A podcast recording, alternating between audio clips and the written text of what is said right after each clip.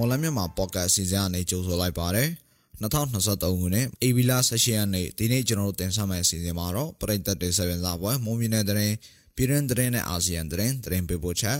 ပြည်သူတွေသိထားတဲ့နေ့စဉ်ကုန်စည်နှုန်းတရင်တို့ချို့တွေကိုအစီအစဉ်ပထမပိုင်းမှာရွေးချယ်တင်ပြသွားမှာဖြစ်ပါတယ်။အကြအပြင်မွန်ဒေတာတွင်ရလူငယ်အရေးအတွက်ရဲ့90ရာခိုင်နှုန်းကျော်လောက်ဟာမူရစီဝါတုံးဆွဲမှုတွေရှိနေတယ်ဆိုတော့တရင်ပေးပို့ချက်ကိုလည်းတင်ဆက်ပေးပါဦးမယ်။ ဟုတ်ကဲ့ပါဒီကနေ့အစီအစဉ်မှုကတော့ကျွန်တော်အာကာတာဝန်ယူတော့မှဖြစ်ပြီးကျွန်တော်နဲ့အတူနွန်တန်ရသတင်းတွေကိုကူညီဖတ်ကြားပေးတော့ပါပါနားဆင်ကြတဲ့ပရိသတ်အားလုံးကိုမင်္ဂလာပါလို့နှုတ်ခွန်းဆက်တာပါရစေ။ကျမနွန်တဲ့ကကိုအာကာနဲ့အတူသတင်းတွေကိုကူညီဖတ်ကြားပေးတော့မှာဖြစ်ပါတယ်။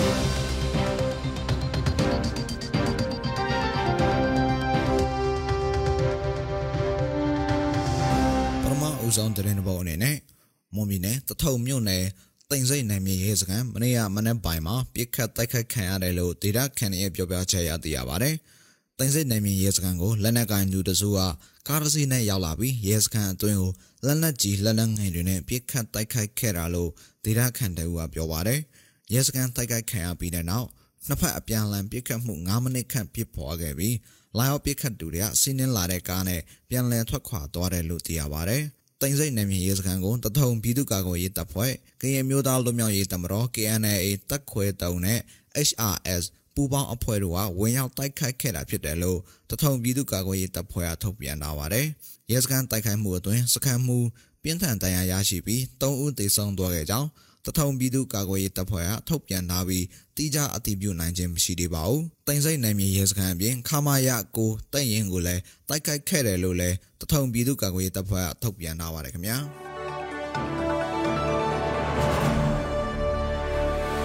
နောက်ထပ်သတင်းသဘောအနေနဲ့မွန်ပြည်နယ်အတွင်းကအကျဉ်းထောင်အကျဉ်းစခန်းအလုတ်စခန်းတွေကအကျဉ်းသားအကျဉ်းသူပေါင်း224ဦးပြန်လည်လွတ်မြောက်လာပြီးအဲ့ဒီထဲမှာနိုင်ငံရေးအကျဉ်းသားတွေမပါဝင်ဘူးလို့သိရပါတယ်။ ပြန်လည်လွတ်မြောက်လာသူတွေဟာစိုက်မရောဗဟိုအကျဉ်းထောင်မှာအကျဉ်းသား18ဦးနဲ့သူအကျဉ်းသူ3ဦးမော်လမြိုင်အကျဉ်းထောင်ကအကျဉ်းသား16ဦးနဲ့အကျဉ်းသူ2ဦးတထုံအကျဉ်းထောင်ကအကျဉ်းသား25ဦးဖြစ်ပါတယ်။ဒါအပြင်အင်္ဂဘောရောဘာဆိုင်မွေးစခန်းကအကျဉ်းသား30ဦးရင်းညိန်ကုံထုတ်စခန်းကအကျဉ်းသား22ဦးဇင်းကြိုက်ကုံထုတ်စခန်းကအကျဉ်းသား32ဦးအင်းပြောင်ကုံထုတ်စခန်းကအကျဉ်းသား24ဦးမလာဘူးကုံထုတ်စခန်းကအကျဉ်းသား5ဦး မုတ်ပလင်အမျိုးသားကုံထုတ်စခန်းကအကျဉ်းသား18ဦးမုတ်ပလင်အမျိုးသမီးကုံထုတ်စခန်းကအကျဉ်းသူ18ဦးနဲ့တောင်စွန်းကုံထုတ်စခန်းကအကျဉ်းသား14ဦးလည်းပြည်လည်လွတ်မြောက်လာခဲ့ပါတယ်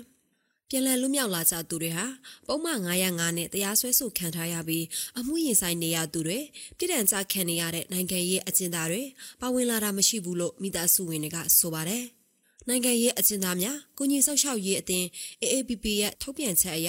စစ်တပ်အာဏာသိမ်းပြီးနောက်ဖမ်းဆီးခံရသူ2000ကျော်ရှိပြီး19000ကျော်ဟာထိမ့်သိမ်းခံနေရနေဆဲဖြစ်တယ်လို့သိရပါတယ်ရှင်။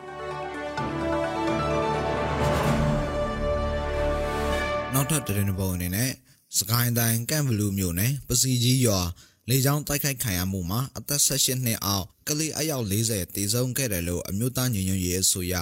NUG ရဲ့တနည်းထုတ်ပြန်တဲ့စီးရီမှာဖော်ပြပါဗျ။အသက်9နှစ်အောက်ကလေးငယ်6ဦးအသက်9နှစ်ကနေ14နှစ်ကြား19ဦးအသက်14နှစ်ကနေ18နှစ်အကြား9ဦးနဲ့အသက်ခွဲခြားမရတဲ့ကလေးငယ်10ဦးသေဆုံးခဲ့တယ်လို့ NUG ကထုတ်ပြန်ပါတယ်။စုစုပေါင်းသေဆုံးသူ168ဦးရှိပြီးအဲ့ဒီအထဲမှာ18နှစ်အထက်လူကြီး128ဦးပါဝင်ခဲ့တယ်လို့ဆိုပါတယ်။ပစီကြီးရွာလေကြောင်းတိုက်ခိုက်ခံရမှုမှာစစ်ဘေးဒုက္ခသည်300ကျော်ရှိပြီး ကူညီကယ်ဆယ်ရေးကို NUG ကလှုပ်ဆောင်နေတယ်လို့ပြောပါတယ်။ NUG အနေနဲ့ပစီကြီးရွာလေကြောင်းတိုက်ခိုက်ခံရမှုကြောင့်အစုလိုက်အပြုံလိုက်တည်ဆုံခဲ့ရမှုနဲ့ပတ်သက်ပြီးတရားမျှတမှုပြန်လည်ရရှိရေးအတွက်ဒီဇိုင်းမမတ်ကြိုးပမ်းသွားမယ်လို့လည်းဆိုပါတယ်။ဒီတိုက်ခိုက်ခံရမှုမှာမိသားစုဝင်တွေတေဆုံးခဲ့ကြတဲ့ပစီကြီးရွာခံတွေကနိုင်ငံတကာအတိုင်းအဝိုင်းအနေနဲ့ကျူးလွန်သူတွေကိုထိထိရောက်ရောက်အရေးယူပေးဖို့နဲ့စစ်ကောင်စီတပ်ကိုလက်နက်ခဲယမ်းမိကြောင်းအပါအဝင်လေရင်စီတွေမယောင်းချဖို့တောင်းဆိုနေကြပါတယ်ခင်ဗျာ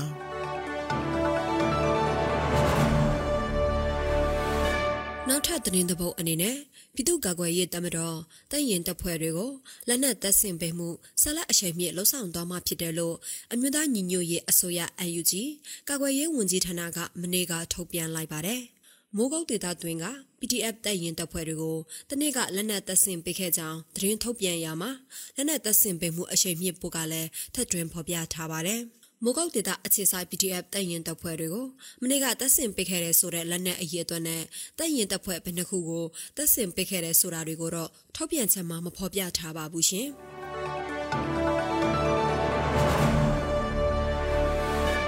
နောက်ထပ်သတင်းပုံအနေနဲ့ သတင်းနိုင်တိုင်းထိုင်းမြန်မာနယ်စပ်မော်တောင်မြို့ရှိတနင်္လာရီမော်တောင်ကားလမ်းမှာပြီးခဲ့တဲ့တကြံကာလအတွင်းတိုက်ပွဲတွေဆက်တိုက်ဖြစ်လို့နယ်စပ်ကုန်စည်စီစဉ်မှုရက်ဆိုင်ကအခြေခံစားတောက်ကုန်စည်နှုန်းတွေအဆမတန်မြင့်တက်လာတယ်လို့မြို့ခံတွေကပြောပါတယ်။တနင်္လာရီမော်တောင်ကားလမ်းမအနီးတိတ်ဖြူကုန်းနောင်ဝ ချောင်းနှစ်ပြန်လက်ပံတောင်နဲ့လေတောင်စတဲ့ကြေးရွာတွေကိုစစ်ကောင်စီတပ်ကစစ်ကြောင်းထိုးဝင်ရောက်လာတာကြောင့်တိရခန်ကာကွယ်ရေးတပ်တွေနဲ့ AB 73ရက်ကနေ15ရက်အထိတိုက်ပွဲတွေဖြစ်ခဲ့တယ်လို့သိရပါတယ်။အဲ့လိုနှစ်ဖက်တိုက်ပွဲပြင်းထန်ခဲ့တာအပြင်နှစ်ဖက်လုံးကတနင်္လာရီမော်တောင်ကားလမ်းမကိုအသွာအလာပိတ်ပင်လိုက်တာကြောင့်နေဆက်ကုံသွဲမှုတွေရပ်တန့်သွားတာလို့မောင်တောင်မြို့ခံကုံတဲ့သူကပြောပါတယ်။ ဒါအပြင် AB 15ရက်ကစားပြီးထိုင်းမြန်မာနယ်စပ်မောင်တောင်ဂိတ်ကိုပါယာယီပိတ်ပင်လိုက်တဲ့အတွက်အခြေခံစားတောက်ကုန်နဲ့73စီတွေဟာပြည်တွင်းကမဝင်ရောက်နိုင်တော့ပဲထိုင်းနိုင်ငံနယ်စပ်ကနေတစေမောင်ခိုဝင်လာတဲ့ကုန်ပစ္စည်းတွေကိုဈေးကြီးပေးဝယ်ယူသုံးစွဲနေကြရတယ်လို့မြို့ခံတွေကဆိုပါတယ်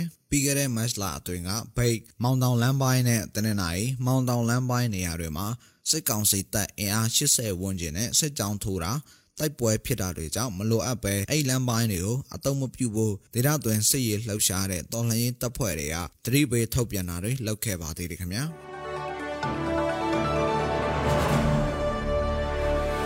နောက်ထပ်သတင်းသဘောအနေနဲ့ပြည်သူ့ကာကွယ်ရေးတပ်မတော်တပ်ရင်တပ်ဖွဲ့တွေကိုလက်နက်တပ်ဆင်ပေးမှုဆက်လက်အရှိန်မြင့်လှုံ့ဆော်သွားမှာဖြစ်တယ်လို့အမျိုးသားညီညွတ်ရေးအစိုးရ UNG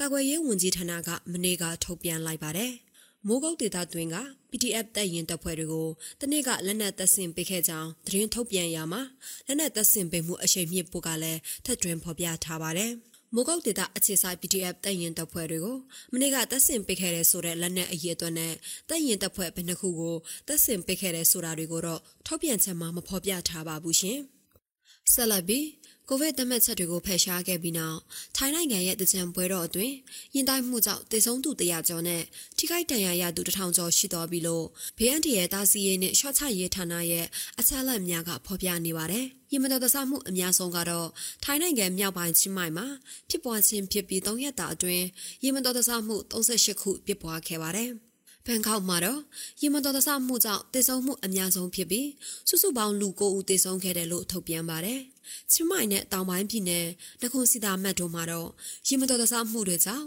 လူ40ဦးစီတန်ရာရခဲ့ကြပြီးတန်ရာရသူအများဆုံးနေရာလဲဖြစ်ပါတယ်။ ရင်တိုင်းမှုဖြစ်ပွားရတဲ့အဓိကအကြောင်းရင်းက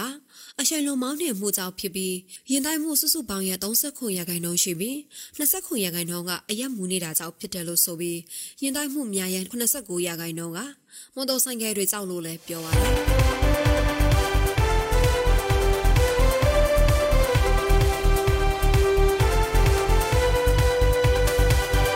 ဆက်ပေးသွားခဲ့တာကအေဗီဒ18ရက်နေ့မှာဖြစ်ပျက်ခဲ့တဲ့အမှုမြင်တဲ့တဲ့ပြည်တွင်းသတင်းနဲ့အာဆီယံသတင်းတွေကိုတင်ပြပေးသွားခဲ့တာဖြစ်ပါတယ်။ဆက်လက်ပြီးတော့မွန်ဒေတာအတွင်းကလူငယ်အရေးအတွက်ရဲ့90ရာခိုင်နှုန်းကျော်လောက်ဟာမူရစေဝါတုံးဆွဲမှုတွေရှိနေတဲ့ဆိုတဲ့သတင်းပေးပို့ချက်ကိုဇွဲရတင်ဆက်ပေးပါဦးမယ်။မွန်ပြည်ပါတီထိန်ချုံနယ်မြေမှာလူငယ်90ရာခိုင်နှုန်းကျော်လောက်ဟာမူရစေဝါတုံးဆွဲနေလို့ဆေးဖြတ်စခန်းနေနဲ့ကုသနေတယ်လို့ မူရစေထိန်သိမ်းရေးစခန်းတာဝန်ရှိသူတွေကပြောပါတယ်။ဘာသာရေးပွဲနဲ့ပွဲလန်းတပင်ကိုမူရစေဝါတုံးဆွဲဖို့ထွက်ပေါက်တစ်ခုအနေနဲ့အသုံးပြုလာကြပြီ။လူသိရှင်ကြားတုံးဆွဲလာတယ်လို့မူရတဲ့ပါတီကဖွဲ့ထားတဲ့မူရစေဆွဲကုတရေးနဲ့ပြန်လည်ထူထောင်ရေးဌာနတာဝန်ခံနိုင်ချမ်းအောင်မန်ကဆိုပါတယ်။ဟမ်ကရိုက်တေကြာကြမ်းနှံဖိုင်အတောင်းသူကပေါန်ကျုံတော့လေမဝုံကကလိုင်းဒီကြာကြမ်းနှံဖိုင်မောကလေးနိုင်ကမအောင်ညိ មុំគេហមនេះសមុទ្រពួយក៏ទីដេតមកអេក្រាយ៉ៃណៅទេភូមិក្លាញធុយណាក៏អ៊ូម៉ៃក្លាញមកကွែមទៅណូមិនផ្លវិញក៏ទីប៉ែដែរក៏មិនផ្លវិញក៏អផាំងហំក៏ណាមុនពួយទេបតោដប់ក៏អផាំង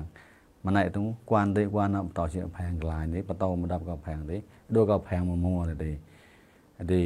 អបៀនណៅហូប៉ាទេដេតោទេហំជាក៏ណាអេទេមកអផាំងរទេទេញីទៅក្លោះលេប៉ប៉ះមកដែរណា မွန်ပြည်သစ်ပါတီထိန်းချုပ်နိုင်မည်တစ်ခုဖြစ်တဲ့ထဝဲခရိုင်ကအသစ်ဖွင့်ထားတဲ့မူရစ်စေးဆွဲကုသရေးနဲ့ပြန်လည်ထူထောင်ရေးဌာနမှာလည်းစပွေခဲ့တဲ့ရက်ကလေးကအခုအချိန်ထိတနစ်နီးပါအတွင်းမူရစ်စေးဆွဲသူပေါင်း260ကျော်ကိုလေ့ကျင့်ကုသပေးနိုင်ခဲ့တယ်လို့သူကပြောပါတယ်။မူရစ်စေးဆွဲခဲ့တဲ့သူတို့ချို့ကိုစေပြအောင်လေ့ကျင့်ပြိုးထောင်ခဲ့ပေမဲ့အုတ်ထိန်သူတွေပူပေါင်းပါဝင်မှုနဲ့လို့ နောက်တစ်ခါပြန်ပြီးထိမ့်သိမ်းကုသနေရတဲ့သူတွေလည်းစိုက်ကနန်းထိရှိရတယ်လို့နိုင်ချမ်းအောင်မန်ကဆိုပါတယ်။ អងើយក៏បំហំនៅចាអត់ទៅហូលៀងក្លែងអ៊ុំម៉ាបំពូឈើលហូលៀងក្លែងបូអេរ៉បក៏ហូក្លែងបូទីអាពូលេគេអបាយពូអបាយពូណាទីបាដមហត់តែដេតោក៏មិនម៉ៃចេះចត់ក្លែងអប់ទៅអត់ទេចាប់អខូនតែលៀងក្លែងទេប្រេងប៉ងទៅមិនម៉ៃញីទៅក៏ពូទីដេតនេមណូពូហំឡាក៏ cha cái. Mình mẹ người cứ mua bù hùng mua về hùng tạp để con giạt có. Hùng lời bù hùng tàu lời hùng tàu bao lòng này rồi tí. À cho bà khui mua ngô mà để gọi à bộ bỏ tàu bao lòng rồi tí. À lên chạc nằm phơ mà để tàu lên lon ya bấm tị bấm nọ mà để kran nằm lon ya nên à, à, là sai lấy ấy bây giờ đến nêm lên rồi tí แต่เลยអឺចរតអលមងបាវ៉ៃដេនណេមណូបងកោយ៉ាសូវពីមូរេមជូលនថារេ မူရစေးဆွဲနေတဲ့သူတဦးကိုအနည်းဆုံး6လလေ့ကျင့်ကုသပေးနေပြီးသူတို့ကိုအသက်မွေးဝမ်းကြောင်းဆိုင်ရာပညာတွေဝါသနာပါတဲ့အလုပ်တွေအပြင်စိတ်သက်မြင့်တင်နိုင်မဲ့အသက်ပညာတွေနဲ့လေ့ကျင့်ပြိုးထောင်ပေးနေတယ်လို့သိရပါတယ်။မွန်ပြည်သစ်ပါတီထိန်းချုပ်ထားတဲ့ဒေသတွေကခရိုင်၃ခရိုင်လုံးမှာမူရစေဝါထိန်းသိမ်းရေးစခန်းကိုကိုစီဖွင့်လှစ်ထားတဲ့အပြင်ထဝေခရိုင်မှာမူရစေဆွဲတဲ့သူတွေကို ကုသရေးနဲ့ပြန်လည်ထူထောင်ရေးဌာနကိုပြီးခဲ့တဲ့2022ခုနှစ်ဇွန်လမှာထပ်ဖွင့်ခဲ့ပါတယ်။ဥပဒေအရမူရစေဝါနဲ့ပတ်သက်ပြီးထိထိရောက်ရောက်ကန်တွယ်ဖြည့်ရှင်းမှုမရှိတဲ့အချိန်မှာမွန်ပြည်နယ်ထဲမှာမူရစေဝါပြဿနာကိုမွန်လူထုတရက်လုံးအနေနဲ့ပူပေါင်းပါဝင်ဖြည့်ရှင်းသိတယ်လို့လည်းမူရစေထိန်းသိမ်းရေးစခန်းတာဝန်ရှိသူတွေကတိုက်တွန်းပြောဆိုထားပါတယ်ခင်ဗျာ။